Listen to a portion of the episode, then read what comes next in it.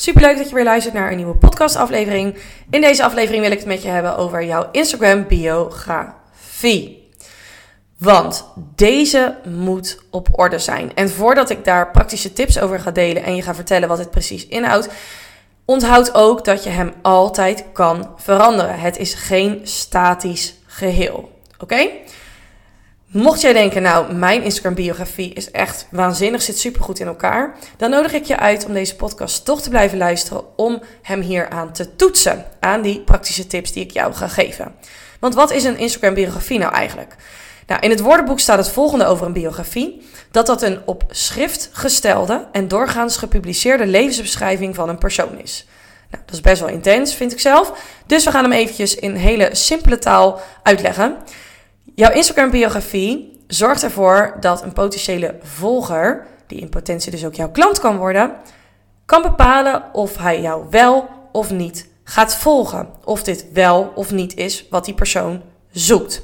Dus je zult bij lange na niet iedereen daarmee aanspreken. En dat is dus goed, want jij wilt natuurlijk alleen maar potentiële klanten aantrekken. Dus volgers die in potentie jouw klant kunnen worden. Maar goed, wat moet er nou dus eigenlijk in zo'n biografie staan? Nou, voordat we naar het stukje tekst gaan, wil ik het even met je hebben over het plaatsen van een foto of het plaatsen van een logo. Mijn advies is wanneer jij een ZZP'er bent en jij je eigen bedrijf volledig runt en jij coacht of je producten maakt of wat, dan ook, dat jij een foto van jezelf doet. Jouw logo is iets waar je ontzettend trots op bent. Het is je huisstijl, maar het zegt niks over jou en over jouw bedrijf. En wij mensen kijken graag naar mensen. Dus het is heel logisch wanneer je gewoon een foto van jezelf daar neerzet. Heb jij een groot bedrijf waar medewerkers voor jou ook in dienst zijn en het draait niet zozeer alleen om jou, dan betekent het dat je een merk hebt opgebouwd. En dan is het compleet logisch dat jouw logo daar wel staat. Oké, dan gaan we door naar de biografie zelf. De Instagram-biografie bestaat uit twee onderdelen. Je hebt het dikgedrukte gedeelte en je hebt het niet dikgedrukte gedeelte. Het dikgedrukte gedeelte zit aan de bovenkant van je bio.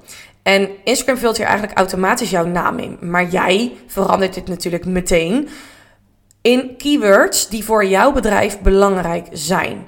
Die als allerbeste omschrijven wat jij nou doet. Dus wanneer je een coach bent, vul je in dat je een coach bent. Wanneer je een webshop hebt, vul je in dat je een webshop bent. En dan zo gespecificeerd mogelijk. Waarom?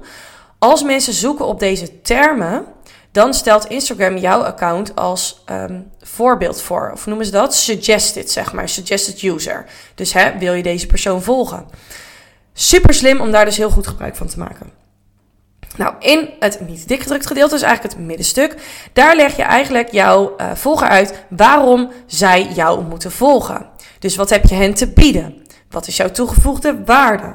Je geeft als het ware antwoord op wie ben je, waarom moet ik je volgen, wie help je en wat is eventueel het resultaat. Op het moment dat jij denkt dat je daar ook dingen in kunt zetten als uh, je leeftijd of wat je favoriete vakantieland is, ja geloof me, ik heb dat echt gezien bij een ondernemer. Dan moet je jezelf echt afvragen: is dit het waard om daarin te zetten? Wat voegt dit daadwerkelijk toe voor mijn volger? En ik denk dat je het antwoord wel weet, want het voegt echt helemaal niks toe. Dan is het ook nog ontzettend belangrijk dat je een call to action hebt. Nou, met een call to action wordt bedoeld dat je eigenlijk onderaan aan die Instagram bio schrijft wat ze moeten doen. Moeten ze je een DM sturen? Kunnen ze een gratis weggever downloaden? Wil je ze naar je website hebben? Wil je dat ze je zich inschrijven voor een gratis nieuwsbrief? Probeer daar eens over na te denken wat voor jou belangrijk is daarin. Op het moment dat je mensen dus verwijst naar je website, Zorg er dan ook voor dat jij een toffe pagina maakt op je eigen website. Bijvoorbeeld die ik heb www.angelalodder.nl slash toffe linkjes. Daar verwijs ik mensen naar. En daar zitten alleen maar knoppen op die pagina die verwijzen naar andere pagina's op mijn website. Dit zorgt ervoor dat mensen niet zo hoeven te zoeken op je website. Dat ze gewoon heel concreet kunnen bekijken. Oh, maar dit vind ik nu interessant. Ik wil die gratis weggever. Ik wil me inschrijven op die nieuwsbrief. Ik wil me uh, inlezen over dit programma. Ik wil dit product kopen. Probeer zo specifiek mogelijk te zijn. En waarom wil je dit nu? Want dat is natuurlijk ook van cruciaal belang. En waarom wil je geen Linktree of al die andere dingen?